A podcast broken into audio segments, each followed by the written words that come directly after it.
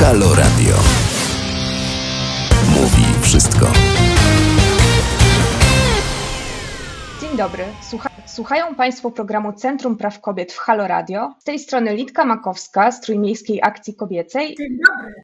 I Ola Gorgolik z Centrum Praw Kobiet. Dzień dobry. Naszymi gościniami dzisiaj są Joanna Piotrowska, prezeska Fundacji Feminoteka, koordynatorka kampanii społecznej hashtag Bronimy Konwencji i ekspertka przeciwprzemocowa. Dzień dobry, Joanno. Dzień dobry. Gościmy również dr Katarzynę Sękowską-Kozłowską, e, doktor nauk prawnych oraz kierowniczkę Poznańskiego Centrum Praw Człowieka INP. Dzień dobry. Dzień dobry, Katarzyno. W dzisiejszej audycji będziemy e, rozmawiać o konwencji antyprzemocowej, tak zwanej konwencji stambulskiej, e, czym ona jest i dlaczego traktujemy ją jako tarczę w przeciwdziałaniu przemocy. Porozmawiamy sobie o tym, skąd wzięła się ta nazwa, konwencja stambulska, jak doszło w ogóle do jej uchwalenia w Radzie Europy, co się dzieje z konwencją w Turcji i dlaczego Turczynki wyszły na ulicę protestować. Porozmawiamy sobie też o kampanii Bronimy Konwencji, co ta kampania zakłada, co będzie się działo w Polsce i jakie są w ogóle nasze szanse na sprawczość w tym temacie. Zastanowimy się, jak rozmawiać o faktach i mitach połączonych z tym tematem. No i przejdziemy też do, do tego przykrego tematu, jakim jest wypowiedzenie konwencji przez Polskę i jakie konsekwencje mogą się z tym wiązać. Także myślę, że możemy przejść już do konkretnych treści. Zaczynamy od Joanny Piotrowskiej, prezeski Feminoteki, bo nieprzypadkowo gościmy Ciebie, Joanno, w naszym programie, bo jesteś jedną z osób, która właściwie jest, można powiedzieć, akuszerką konwencji stambulskiej w Polsce, a przynajmniej uczestniczyłaś w pracach. I mamy do Ciebie takie pytanie na początek, ażebyś nam przybliżyła konwencję antyprzemocową i czy zgodzisz się z takim stwierdzeniem, które my tutaj w Gdańsku bardzo głośno o nim mówimy, że konwencja antyprzemocowa jest naszą tarczą w przeciwdziałaniu przemocy. Bardzo konkretnie broni nas przed, przed przemocą. To jest też nasze hasło w całej kampanii Bronimy Konwencji, że konwencja jest nas, naszą tarczą, bo faktycznie tak jest. Znaczy to jest, jak pierwszy raz zobaczyłam, przeczytałam konwencję stambulską, to się bardzo miło zdziwiłam, że można napisać akt prawny, który jest zrozumiały, który jest napisany ludzkim językiem, ale nie tylko to, też jest to akt prawny, który mówi konkretnie, co państwa, które ratyfikują konwencję, powinny zrobić, żeby poprawić sytuację kobiet doświadczających przemocy i osób doświadczających przemocy domowej. I że zawiera taki pakiet, pełen pakiet, czyli i przeciwdziałanie, i reagowanie, i zmiany prawne, wszystkie takie rzeczy, które są niezbędne do tego, żeby skutecznie przeciwdziałać i skutecznie walczyć z przemocą domową i przemocą wobec kobiet. No i to, co dla nas z punktu widzenia Fundacji Feminoteka szczególnie ważne, podkreśla się fakt, że przemocy doświadczają przede wszystkim kobiety i to kobiety i dziewczynki są najbardziej na przemoc narażone. Dlaczego tarczą? Dlatego, że tak jak wspomniałam, tam są konkretne rzeczy, konkretne instrukcje, co państwa strony powinny robić, żeby skutecznie przeciwdziałać przemocy, czy też skutecznie z przemocą walczyć. I, i, i to są proste takie rzeczy o które my się też oczywiście w Polsce dopominamy nieustająco, jak chociażby prowadzenie regularnych, corocznych kampanii społecznych poświęconych tematyce przemocy domowej i przemocy wobec kobiet. Kilka rzeczy się udało w Polsce wprowadzić i to zawdzięczamy konwencji stambulskiej, jak na przykład ściganie gwałtu z urzędu. Ja wiem, że to jest dosyć trudne do zrozumienia, o co w tym wszystkim chodzi.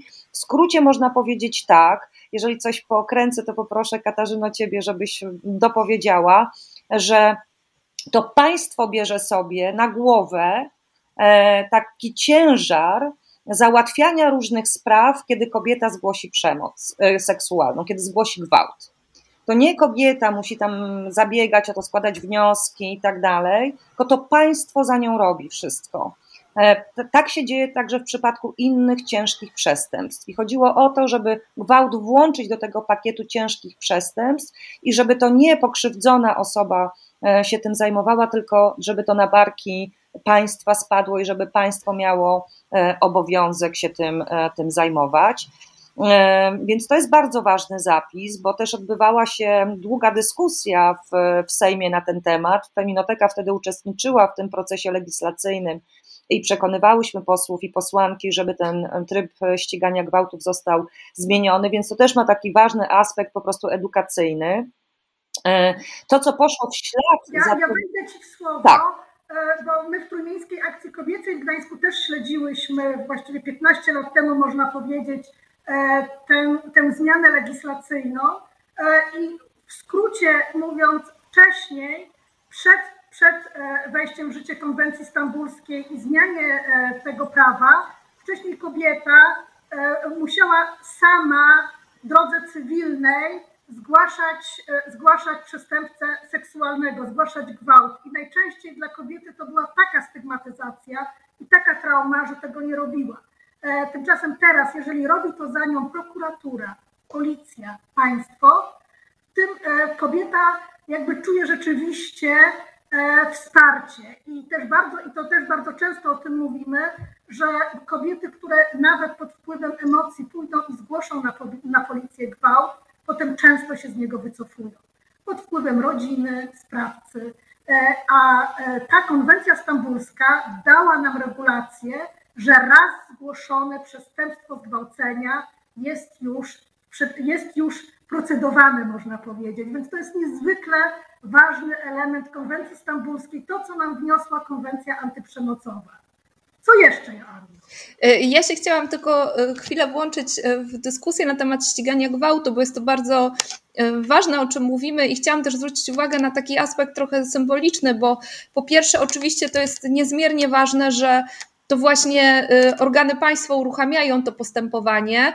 Przy czym y, również musimy pamiętać, że są podnoszone czasem argumenty, że ofiara może sobie nie życzyć, żeby takie postępowanie było uruchamiane. Tyle tylko, że mm, warto też sięgnąć właśnie do y, przyczyn wprowadzenia właśnie tego wnioskowego trybu. To, to się datuje już na 1932 rok, jeśli dobrze pamiętam. I to jakby wiązało się z tym z tą optyką, spojrzeniem, że gwałt to jest przede wszystkim coś wstydliwego dla ofiary, że te przepisy mają za, za, za zadanie chronić y, godność, cnotę, dobre imię ofiary i w taki sposób one y, taki trochę archaiczny przetrwały do, mm, do, do, do obecnych y, czasów, no bo co do zasady przecież większość przestępstw jest ściganych z urzędu i gwałt był właśnie takim jednym w ogóle przestępstwa seksualne, jednym z nielicznych wyjątków. To, to, to jest ważne, że oprócz, e, znaczy jakby jedno, jednocześnie, nawet nie jakby, tylko jednocześnie ze zmianą trybu ścigania gwałtów zostały wprowadzone i zapisane e, takie zobowiązania, że osoba po gwałcie może być przesłuchiwana tylko raz w bezpiecznym pomieszczeniu, w tak zwanym niebieskim pokoju, E, te, te, te, te, mm, to ma być nagrywane i potem ma być odtwarzane. E, I ma być to, ten, to nagranie ma być zrobione, przeprowadzone w obecności psychologa czy psycholożki i biegłego czy biegłej sądowego. I to jest szalenie ważne, ponieważ osoba po gwałcie nie musi powtarzać tych swoich zeznań i w kółko wałkować tego swojego traumatycznego doznania. To jest e, naprawdę szalenie ważny zapis, który idzie w takim pakiecie razem ze zmianą trybu ścigania gwałtów. To jest szalenie ważne. E, I kolejna rzecz, która została wtedy opracowana i tylko część niestety została wprowadzona, to są policyjne procedury dla osób e, po, doświad- e, po przemocy seksualnej bardzo konkretne procedury, co może policja zrobić, czego nie powinna robić, jakich pytań nie zadawać, jakie e, materiały zebrać, gdzie skierować e, pokrzywdzoną czy pokrzywdzonego i tak dalej. Myśmy to jako Feminoteka we wsparciu z profesor Moniką Płatek przygotowały i one zostały wprowadzone w 2015 roku. E, o realizacji tych zapisów, to może później, czy tych procedur. I były przygotowane procedury też dla, mm, dla służb medycznych, e, które niestety utknęły na e, dyskusjach międzyresortowych. Oczywiście poszło o pieniądze. I nie udało się tego doprowadzić do końca, ale te procedury są gotowe i można je wprowadzać. Feminoteka prowadziła szkolenia właśnie dla przedstawicieli personelu medycznego i przedstawicielek, głównie przedstawicielek, bo to one przychodziły na te szkolenia. Jest duże zainteresowanie, żeby te procedury w szpitalach czy na sorach były, ponieważ bardzo często osoby tam przyjmujące po prostu nie wiedzą, co mają zrobić. I zdarzało nam się w feminotece, i tu podam konkretny przykład, do czego to prowadzi, e, że zadzwoniła do nas e, osoba, kobieta, która doświadczyła gwałtu i była w szpitalu, i lekarka nie wiedziała, co ma zrobić z pobranymi próbkami. E, I chciała je oddać koleżance tej pokrzywdzonej. E, co by się wiązało z tym, że, było, że dowody zostałyby utracone, ponieważ one muszą być przekazane w odpowiedni sposób i też prze, przechowywane w odpowiedni sposób i przekazane i prze, przekazane policji czy przekazane prokuraturze. I to jest szalenie ważne, co w takiej sytuacji zrobić, dlatego że e, bardzo dużo sytuacji, kiedy dochodzi do gwałtu, one mm, są umarzane z, głównie z tego powodu, że nie ma, że brakuje dowodów albo dowody zostały utracone. Także te procedury są szalenie istotne tak dla policji, jak i dla właśnie personelu medycznego. No mamy nadzieję, że to się uda wprowadzić. Ko, kolejne, kolejna taka rzecz, którą też zawdzięczamy konwencji stambulskiej, Chociaż oczywiście o te wszystkie rzeczy organizacje kobiece zabiegały od wielu, wielu lat, ale też ma, mogłyśmy się oprzeć po prostu na takim akcie międzynarodowym i że tego konwencja wymaga, no to jest odizolowanie sprawcy przemocy e, od ofiary i opuszczenie lokalu, wydanie nakazu opuszczenia lokalu. No i coś, czego się nie mogłyśmy doprosić przez lata, co wydawało się banalnie proste E, żeby powstał e, całodobowy, ogólnopolski, finansowany przez państwo telefon dla osób doświadczających przemocy w rodzinie. On jest, on funkcjonuje. No, państwo trochę nie zadbało o promocję tego telefonu, no ale, ale, ale jest. I jest w konwencji stambulskiej jest mnóstwo jeszcze różnych właśnie takich wskazówek, co e, państwa powinny zrobić. No w tej chwili walczymy mm, z, z lewicą, ona też to był postulat e, tanecznej akcji koordynowanej przez Feminotekę, nazywam się Miliard One Billion Rising Poland, zmiana definicji gwałtu, żeby zawierała kwestie zgody na kontakty intymne. W tej chwili to jest nasz priorytet e, i z klubem Lewica staramy się, żeby żeby ta zmiana nastąpiła. Co będzie, to zobaczymy, trzymajcie kciuki, mamy nadzieję, że tak będzie, e, a pewnie o więcej rzeczy, które, które jeszcze są taką naszą tarczą, e, a jeszcze tak powiem, że to jest szalenie ważne, żeby ta konwencja była, dlatego że te zmiany i ochrona praw kobiet chociażby, bo pamiętajmy o tym, że kwestii przemocy wobec kobiet nie mamy zapisanej nigdzie w polskim prawie. I nie ma w ustawie o przeciwdziałaniu e, przemocy w rodzinie. To wszystko, co mówisz, Janno, jest bardzo ciekawe i bardzo dziękujemy Ci za te e, konkretne przykłady, e, jakby co, co realnie konwencja stambulska robi dla nas, Polek, w naszej codziennej rzeczywistości i wydaje mi się, że to na pewno, na pewno musiało wybrzmieć.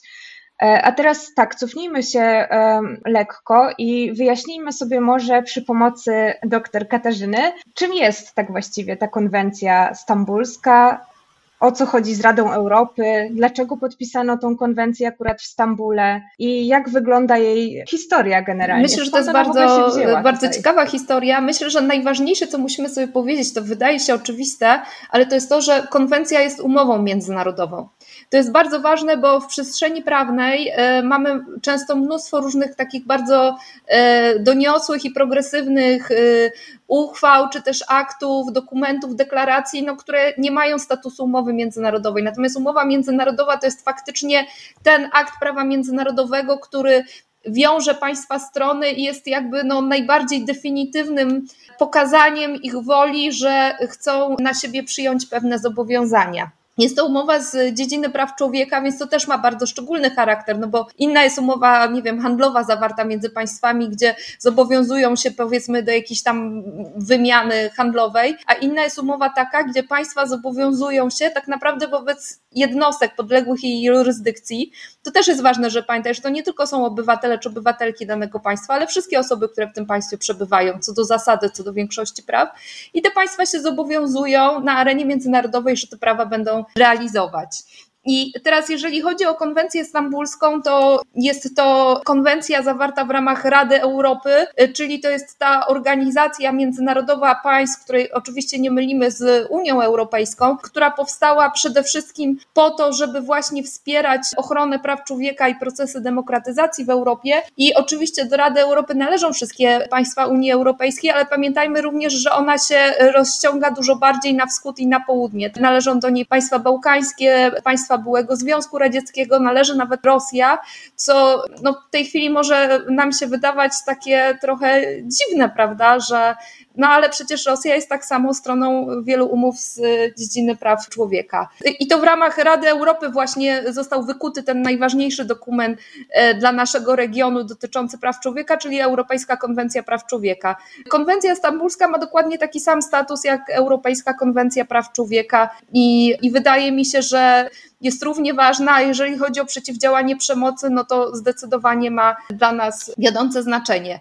To, co się zadziało w Radzie Europy, jeśli chodzi o właśnie przeciwdziałanie przemocy wobec kobiet, nie zadziałoby się, gdyby nie różne zdarzenia i inicjatywy o charakterze globalnym, uniwersalnym. Myślę, że najważniejsze, o czym trzeba powiedzieć, to o y, tak zwanej konwencji CEDAW, czyli o y, międzynarodowej, uchwalonej pod auspicjami ONZ konwencji w sprawie likwidacji wszelkich form dyskryminacji kobiet, która jest dużo starsza niż konwencja stambulska, gdyż została uchwalona w 1979 roku. Przy czym, co interesujące, w y, konwencji CEDAW nie znajdziemy właściwie nic na temat przeciwdziałania przemocy wobec kobiet, co nie jest pominięciem twórców tej konwencji, a raczej pewnej ewolucji prawa międzynarodowego i spojrzenia na przemoc wobec kobiet. Przez wiele lat ten przemo przemoc była, mm, nie była postrzegana w kontekście systemowym, nie była postrzegana jako naruszenie praw człowieka, a raczej jako wewnętrzny problem danego państwa, problem o charakterze karnym, kryminalnym, tak samo jak, nie wiem, kradzieże czy korupcja, z którym państwo powinno sobie jakoś poradzić. E, natomiast dzięki orzecznictwu międzynarodowemu, też również właśnie pracą e, Komitetu CEDAW, który czuwa nad implementacją konwencji, wykuły się standardy międzynarodowe, że państwa w ramach właśnie przeciwdziałania dyskryminacji kobiet, w ramach działań na rzecz realizacji praw człowieka kobiet powinny również przeciwdziałać przemocy wobec kobiet. I y, też warto pamiętać, bo myślę, to, że to jest ważne, że y, też te, te właśnie standardy wykuwały się y, również na kontynencie południowo, na kontynencie amerykańskim i że pierwszą konwencją regionalną była konwencja interamerykańska, czyli konwencja Belem do Para. Natomiast i teraz już wreszcie dwa słowa o konwencji stambulskiej, ale bardzo szybko, bo wiem, że mam dużo tematów.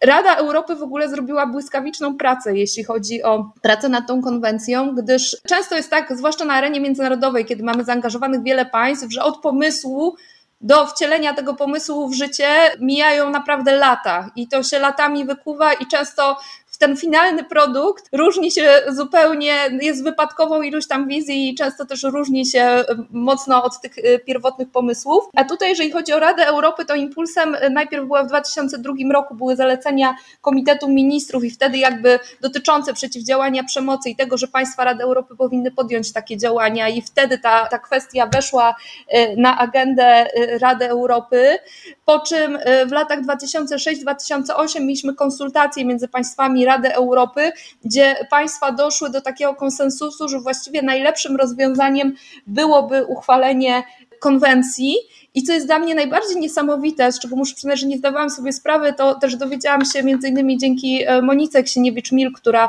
reprezentowała nas właśnie w organach Rady Europy razem z Agnieszką Kozłowską-Rajewicz, że to właściwie te e, posiedzenia komitetu, e, który wykuwał tą konwencję, oczywiście to wykuwali ją przedstawiciele państw, no ale również przy konsultacjach z organizacjami pozarządowymi, to minęło tylko dwa lata, to było w sumie dziewięć posiedzeń tego komitetu. Myślę, że jak na konwencję międzynarodową międzynarodową i tak ogromną, i tak złożoną, jaką jest konwencja stambulska, to jest faktycznie y, niesamowite tempo. I y, dlaczego, y, dlaczego Stambuł? Konwencja została podpisana w czasie, kiedy, kiedy prezydencję sprawowała Turcja w Radzie Europy i warto wspomnieć w kontekście tego, co się niestety teraz dzieje, że Turcja też była bardzo silnym promotorem tej konwencji i też dążyła do tego właśnie, żeby między innymi wtedy ta konwencja i w tym miejscu była podpisana. No oczywiście mieliśmy wtedy do czynienia z innym układem sił politycznych, no było to inne państwo pod tym względem jak jest teraz, było to państwo aspirujące do Unii Europejskiej, no było to też oczywiście państwo, w którym była i jest nadal bardzo, jest bardzo wysoki poziom przemocy wobec kobiet, pomijając wszystkie rodzaje przemocy, takie jak przemoc domowa, tu chociażby właśnie słynna sprawa Opus, która też była taką przełomową sprawą przed Europejskim Trybunałem Praw Człowieka, e, to również chociażby zabójstwa honorowe, takie e, tak zwane honorowe i bardzo medialne takie sprawy e, okrutnych zdarzeń, które się zadziały wobec kobiet tureckich i też porażki państwa, jeśli chodzi o reagowanie na nie, więc to wszystko też miało za zadanie poprawy takiego imidżu Turcji właśnie pod tym względem na arenie międzynarodowej. Dr Katarzyna Sękowska-Kozłowska, adiunktka i kierowniczka Poznańskiego Centrum Praw Człowieka INPF przy PAN Poznaniu. I minęło 10 lat, bo konwencja stambulska została podpisana w 2011 roku, zaproponowana przez Radę Europy. I po 10 latach jesteśmy znowu w Turcji i e, światowe media i europejskie podały nam informacje i widzieliśmy to w mediach na ulicy, ogromne protesty Turczynek na ulicach ze względu na wypowiedzenie przez Turcję konwencji stambulskiej. Która z Pań odpowie, co tam się właściwie zadziało, dlaczego, e, dlaczego Turcja i czy w ogóle mogła e, wypowiedzieć tę konwencję bez jakichkolwiek konsekwencji, czy to są jakieś. To, to może ja spróbuję y, odpowiedzieć na to pytanie. To znaczy tak po pierwsze, y, konwencję stambulską można wypowiedzieć. Y, nie jest to takie oczywiste, jeśli chodzi o traktaty z dziedziny praw człowieka, gdyż część takich traktatów w ogóle jakby nie zawiera takiej klauzuli w swojej treści dotyczącej wypowiedzenia. Dlatego w momencie, kiedy państwo chce wypowiedzieć taki traktat, y, są w ogóle pewne kontrowersje, czy jest to możliwe. W przypadku konwencji stambulskiej ona zawiera taką klauzulę, tak więc od początku jakby tutaj była sprawa postawiona jasno, że państwa mogą wystąpić z konwencji co nie przeszkadza, że występowanie z konwencji międzynarodowych dotyczących praw człowieka jest y, bardzo rzadko y, praktykowane przez państwa to nie jest tak, że za każdym razem, kiedy przychodzi jakiś rząd, czy y, przychodzi rząd, czy jakaś y, siła polityczna do władzy, to sobie prawda, wybiera, jakimi konwencjami teraz chcemy być związani, jakie obowiązania chcemy wypełniać. To, no, to jest zawsze zobowiązanie bezterminowe i w jedynie bardzo wyjątkowych sytuacjach, zwykle właśnie reżimów autorytarnych, zdarza się wypowiedzenie konwencji dotyczącej praw człowieka. Jest to oczywiście też ogromny na wizerunku międzynarodowym państwa. Dlatego dlatego z perspektywy prawa międzynarodowego Turcja miała y, możliwość wycofania się z konwencji. Natomiast y, no, z tego, co wiemy, tutaj ta decyzja z kolei była obciążona ogromnymi wadami, jeśli chodzi o prawo wewnętrzne.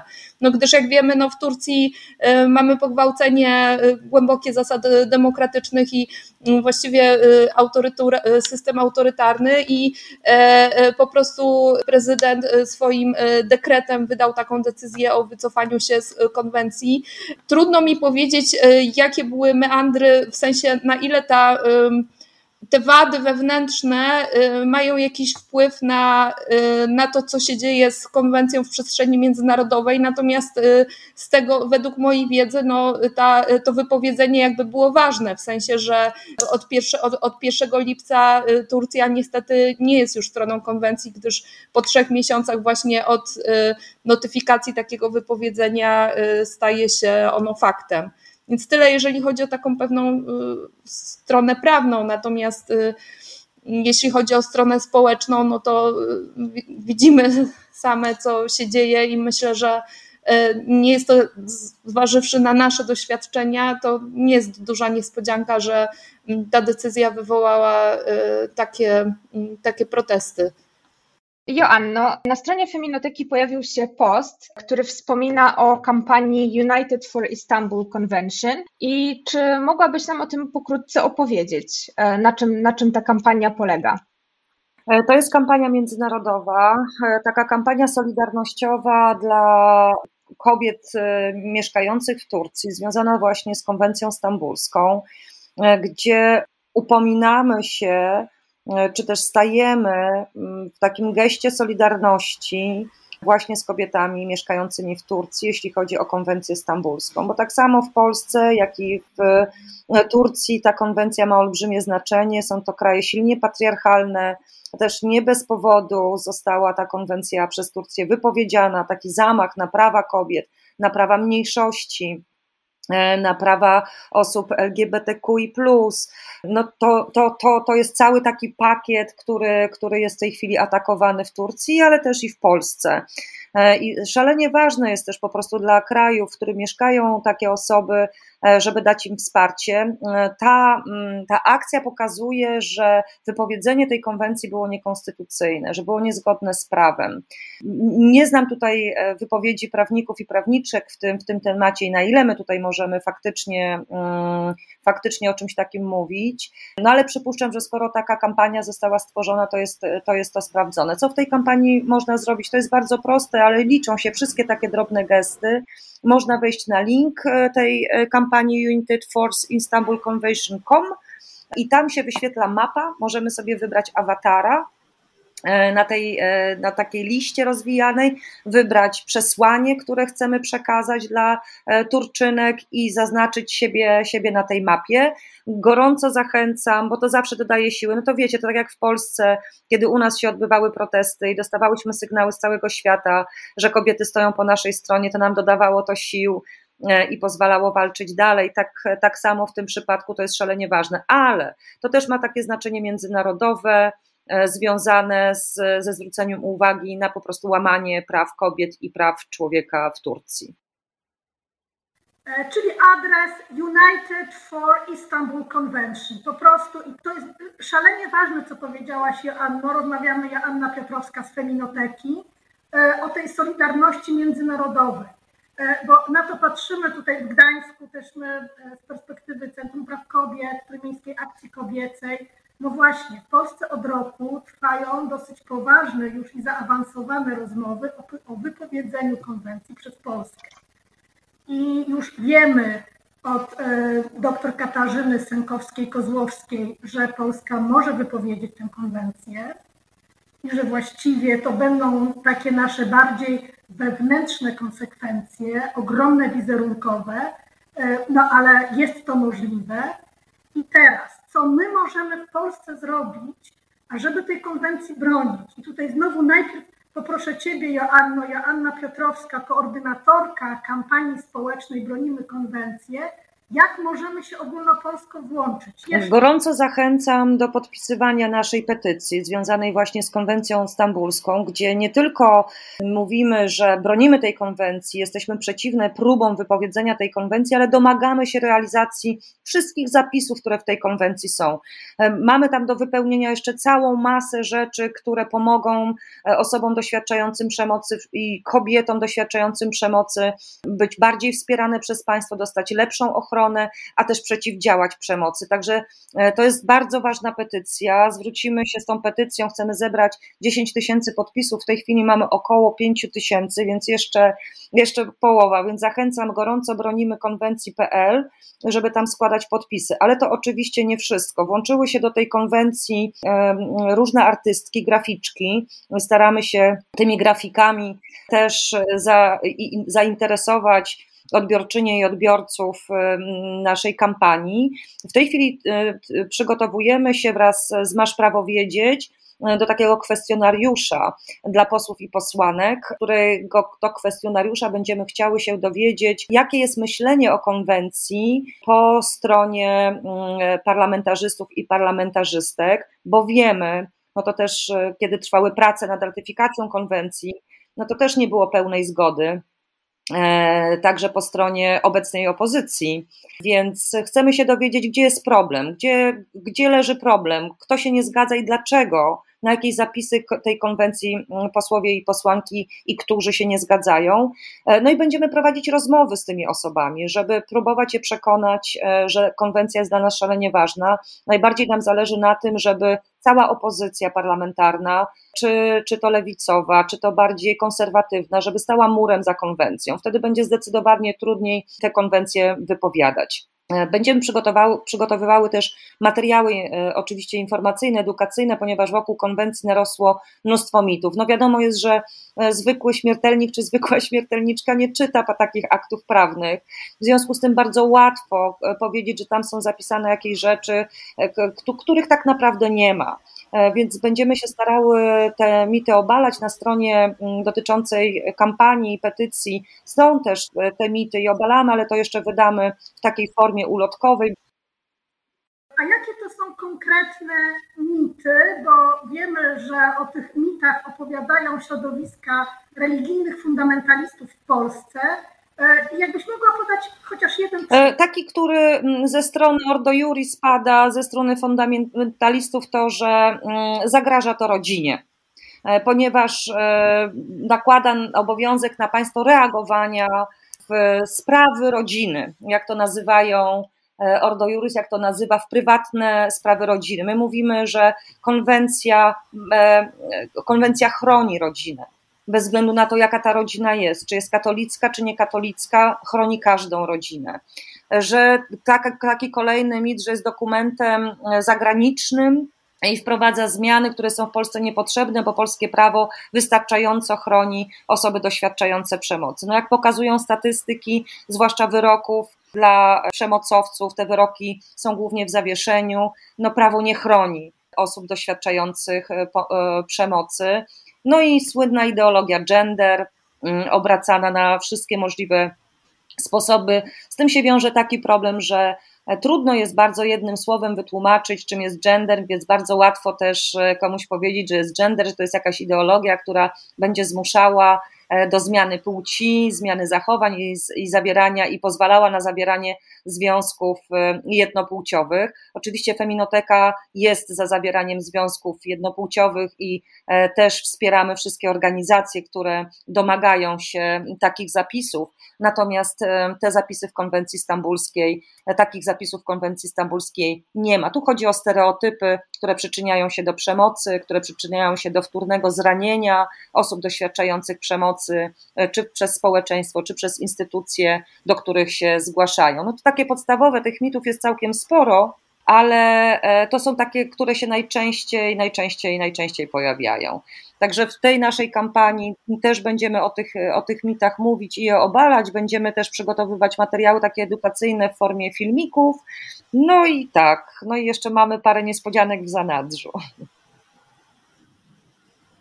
E, doktor Katarzyna Synkowska-Kozłowska chciała w pewnym momencie bardzo zabrać głos, poprosimy. Znaczy wydaje mi się, że Joanna e, zdecydowanie tutaj wyczerpała temat i podejrzewam, że mi coś zadzwoniło przy okazji, kiedy mówiliśmy o mitach i stereotypach, bo to jest faktycznie niesamowite, co można wyprodukować. To znaczy ja powiem szczerze, zupełnie e, nie zdawałam sobie sprawy, kiedy ta konwencja pojawiała się na agendzie i no, jako prawniczka zajmująca się prawami kobiet ją analizowałam, zupełnie nie zdawałam, znaczy nie wpadłam na to, że akurat te przepisy konwencji, które dotyczą chociażby właśnie likwidacji stereotypów, mogą stanowić jakikolwiek problem, więc to jest przykład niestety e, takiej jakby to powiedzieć, próby wyrzeźbienia czegoś, y, czego, czego tam nie ma. I no niestety jest to manipulacja, instrumentalne, instrumentalne użycie konwencji mm, do do działań, które tak naprawdę ani z kobietami, ani z przeciwdziałaniem przemocy nie mają nic wspólnego. Jak już jesteśmy przy Konstytucji, bo też bardzo się cieszę, że przy okazji Tour de Konstytucja rozmawiamy o konwencji stambulskiej, myślę, że niezmiernie ważne jest podkreślić to, co już też Joanna powiedziała, że y, konwencja y, jej zadaniem jest wspieranie tak naprawdę wartości konstytucyjnych. Przecież w konstytucji mamy zapisaną y, ochronę rodziny. No, czym innym, czy, czyż y, traktat, który dotyczy właśnie przeciwdziałania przemocy w rodzinie, nie przyczynia się właśnie do ochrony tej rodziny? Y, takie jest moje zdanie i myślę, że takie jest zdanie wszystkich z nas. Natomiast pytanie też, jak rozumiemy rodzinę i jakie wizje tu się zderzają między sobą, bo jeżeli patrzymy rodzinę jako na wolne jednostki, którym powinniśmy zagwarantować ochronę i których bezpieczeństwo, dobrostan są najważniejsze, bez względu na to, jaka jest ich płeć, co ich łączy, czy jest to formalny związek, czy nieformalny i tak dalej, no to konwencja jest świetnym instrumentem, który może chronić taką rodzinę. Natomiast jeżeli chcemy patrzeć na rodzinę jako na taki twardy głaz, który ma istnieć ponad wszystko, bez względu na to, czy tam ktoś cierpi, czy nie cierpi i jakie są związki między tymi e, osobami, e, no to wtedy taka konwencja może faktycznie wydawać się e, jakimś zagrożeniem. Natomiast myślę, że jest ważne, żeby podkreślić, że konwencja stambulska jest zgodna z konstytucją. To jest bardzo ważne w świetle tego, że mamy wniosek w Trybunale Konstytucyjnym o stwierdzenie niezgodności, o, o, o zbadanie, czy na ile tutaj polskie prawo jest, na ile konwencja jest zgodna z polską konstytucją nie tylko jest zgodna, ale też właśnie wzmacnia te wartości, te prawa, które mamy zapisane w Konstytucji.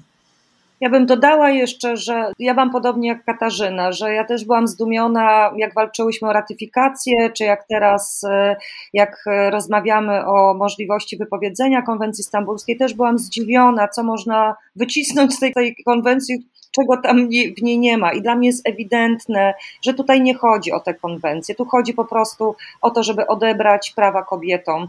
I, i, i to Ordo Juris robi za każdym razem, czy mniejszości seksualne, czy kobiety. Zobaczcie, i Turcja, i Polska walczą o akt prawny, który zawiera słowo kobieta i zawiera kwestię przemocy, polskiej ustawie o przeciwdziałaniu przemocy w rodzinie nie ma słowa kobieta, oprócz statystyk, tam słowo kobieta się nie pojawia. One nie są uwzględnione jako grupa najbardziej narażona na przemoc, najczęściej doświadczająca. I to strasznie boli e, po prostu tradycjonalistów, bo chcą ubezwłasnowolnić kobiety i zabranie prawa do aborcji jest już jednym krokiem i zabranie nam E, zabranie nam konwencji stambulskiej byłoby kolejnym krokiem, kolejnym atakiem na bardzo ważną sprawę z obszaru praw kobiet.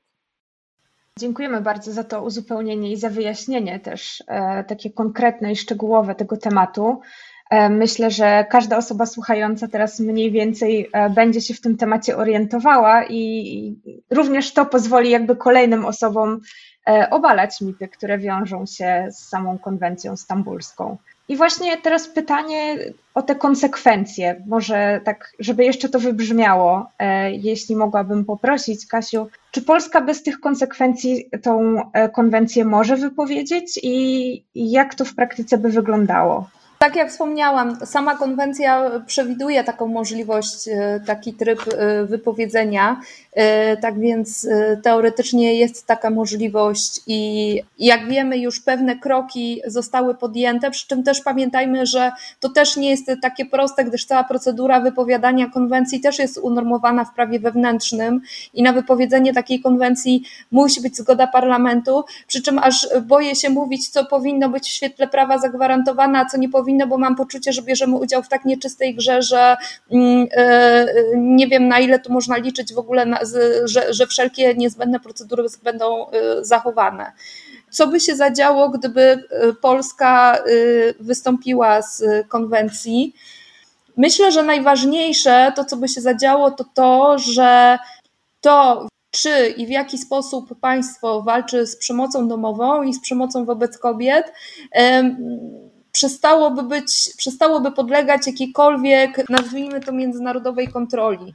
Przy czym y, nie chodzi tutaj o ingerencję w nasze własne sprawy, tak? gdyż y, każde państwo implementuje ten traktat w taki sposób, w jaki jest w stanie to robić, na ile mu pozwalają y, jego chociażby, nie wiem, zasoby gospodarcze, kwestie ustrojowe i tak dalej. Tak więc wiadomo, że państwo ma ogromny margines swobody, żeby tą konwencję wdrażać, natomiast mamy jednak pewien system kontroli, niejako symbolicznej, w tym sensie, że y, państwo jest y, zobowiązane co kilka lat przedstawiać sprawozdanie z tego, jak konwencja jest realizowana.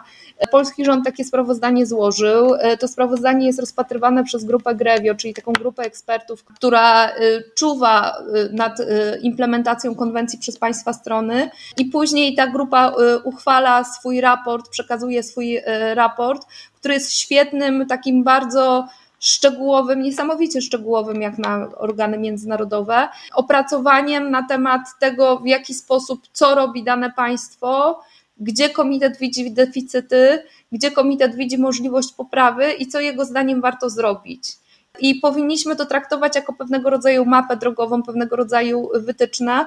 Natomiast nie czarujmy się, to od państwa i jego dobrej woli zależy to, na ile faktycznie y, będzie okaże wolę, znaczy będzie chciało te wytyczne zrealizować. I no taki, tak, taki instrument jak konwencja stambulska nigdy pewnie nie będzie zrealizowany przez żadne państwo w 100%, prawda? Natomiast mamy pewien standard, mamy pewien wzorzec, do którego powinniśmy dążyć. W momencie, kiedy przestaniemy być stroną tej konwencji, będzie to no, oczywisty komunikat państwa i na arenie międzynarodowej, ale przede wszystkim myślę, że dla obywatelek i obywateli, że ten standard nas nie interesuje. My mamy własny pomysł. Oczywiście nasz rząd twierdzi, że są to lepsze pomysły niż te promowane y, przez właśnie konwencję stambulską y, i mamy własne rozwiązania i tyle tylko, że no, myślę, że y, i najgorsze w tym wszystkim jest to, że naprawdę ileś rzeczy, które są robione, jest ok, jakby w tym sensie, że jestem przekonana, że y, każdy rząd by się podpisał przed, pod większością rozwiązań zaproponowanych przez konwencję stambulską. Natomiast najgorsze jest właśnie takie instrumentalne pokazywanie, że nie zrobimy czegoś, bo to nakazuje konwencja stambulska, ale bo zrobimy coś, ale pokażemy jeszcze, że robimy to jeszcze lepiej. Tak więc yy, naprawdę, yy, no Żal mi bardzo, że właśnie ten obszar tak ważny jak y, przeciwdziałanie przemocy wobec kobiet, ale też pamiętajmy wobec mężczyzn, tak? Przemoc domowa w świetle konwencji, y, te wszystkie instrumenty są wdrażane na, na rzecz wszystkich osób, i kobiet, i mężczyzn. Jest to naprawdę fatalne, że akurat tak ważna społecznie sprawa, y, też z punktu widzenia praw człowieka, padła ofiarą tak instrumentalnego wykorzystywania. Instrumentalnego i cynicznego wykorzystania ja bym jeszcze dodała taką ważną rzecz, że gdyby Polsce faktycznie zależało na tym, żeby zmieniać sytuację osób doświadczających przemocy, e, to by to pokazywała na forum międzynarodowym, żeby inne kraje mogły brać przykład po prostu z Polski, ale tego nie chcą robić, e, co zaprzecza temu komunikatowi, który wysyła. Myślę, że to jest niestety też konsekwencja szerszego podejścia, takiego zamykania się Polski i pokazywania, że my mamy nasze, y, nasze prawa, nasze zwyczaje, naszą kulturę i takie fatalne odcięcie się od tego wszystkiego, co się dzieje na zewnątrz, albo ciążenie ku państwom, które no niestety standardy praw człowieka mają no, dużo niższym y, poziomie y, ochrony i no właśnie, niestety. Dlatego naszą nadzieją jest przedłużanie sprawy i parlament, który jednak nie zgodzi się, posłowie, posłanki, senatorowie, na wypowiedzenie tej konwencji. No na razie też sam y, y, premier zastosował taki krok właśnie kierując ten błyskawiczny y, wniosek do Trybunału Konstytucyjnego, czego nie musiał robić i to zdecydowanie jest taki krok na przeczekanie i ta sprawa jest w zamrażarce, ale no wiemy w jaki sposób ta zamrażarka działa, prawda? Wystarczy naciśnięcie guzika, czasem i nagle jakaś sprawa, która wisiała nad nami od lat eksploduje i też musimy się liczyć z tym, że w każdej chwili ta sprawa może powrócić na na agendę. Jesteśmy gotowe i wyjdziemy na ulicę. I czujne, jak najbardziej. A w międzyczasie przypomnijmy może raz jeszcze e, adres strony internetowej na temat obrony konwencji, tak żeby każdy mógł jeszcze się z nią zapoznać i podpisać też petycję, do czego gorąco zachęcamy. Bronimy konwencji.pl, zapraszamy, zachęcamy do, do podpisywania się. E, będziemy jeszcze robić mnóstwo akcji w sprawie konwencji, też przede wszystkim, żeby pokazać, że właśnie konwencja jest czymś, co naprawdę nas chroni i że jeżeli wypowiemy konwencję, to też odcinamy się od dobrych praktyk, dobrych doświadczeń innych państw, z którymi w tej chwili możemy korzystać pełnymi garściami i rozwiązań, które tam są już wprowadzane właśnie też między innymi dzięki konwencji stambulskiej. W wielu krajach e, e, mówi się, że konwencja stambulska po prostu ratuje życie, że to jest taki akt prawny, który zapobiega śmierciom w wyniku przemocy domowej e, i to też jest szalenie ważne. Też mówi się, że, no nie mówi się, taka jest prawda, konwencja stambulska, poprawnie Kasiu, jeżeli się pomylę, jest jedynym aktem prawnym międzynarodowym, który otrzymał nagrody za to, jak jest napisany, jak jest sformułowany i jakie zawiera kwestie, e, jak, jak ważne zawiera, zawiera kwestie. To, co jest też ważne, konwencja stambulska zobowiązuje nas do tego, żeby gromadzić dane na temat przemocy domowej i przemocy wobec kobiet, które mogą być porównywane.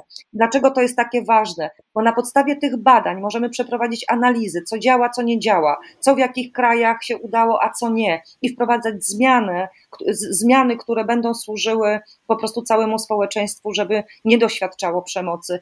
I odcięcie się od tego e, byłoby najokropniejszą rzeczą, jakie państwo polskie może zrobić. Chciałam tylko dodać, faktycznie to gromadzenie danych, statystyk jest niezmiernie ważne i przede wszystkim też dlatego, że pokazuje e, bardzo często właśnie dzięki liczbom, że faktycznie przemoc, w tym przemoc domowa jest formą dyskryminacji kobiet, gdyż dotyka głównie kobiet, ale też pomaga szukać efektywnych e, rozwiązań. Im więcej wiemy, im więcej zbadamy, im wyższy jest nasz poziom wiedzy, y, nauki na dany temat, tym lepiej możemy działać. I w tym kontekście bardzo martwi mnie też to, co dzieje się z wolnością akademicką w y, Polsce, y, z deklaracjami dotyczącymi tego, co powinno stanowić przedmiot badań, no bo w momencie, jeżeli nie będziemy badać takich zjawisk jak przemoc wobec kobiet, i nie mówię tutaj tylko o badaniach prawnych, tak, tylko przede wszystkim właśnie o wszelkiego rodzaju gromadzeniu statystyk, badaniach socjologicznych, E, psychologicznych, to jest e, no, kopalnia zagadnień. Jeżeli e, tego nie będziemy robić, bo gdzieś tam pojawiło się słowo gender, to właściwie no, utoniemy w mrokach średniowiecza i bardzo bym nie chciała, żebyśmy do tego dotarli etapu.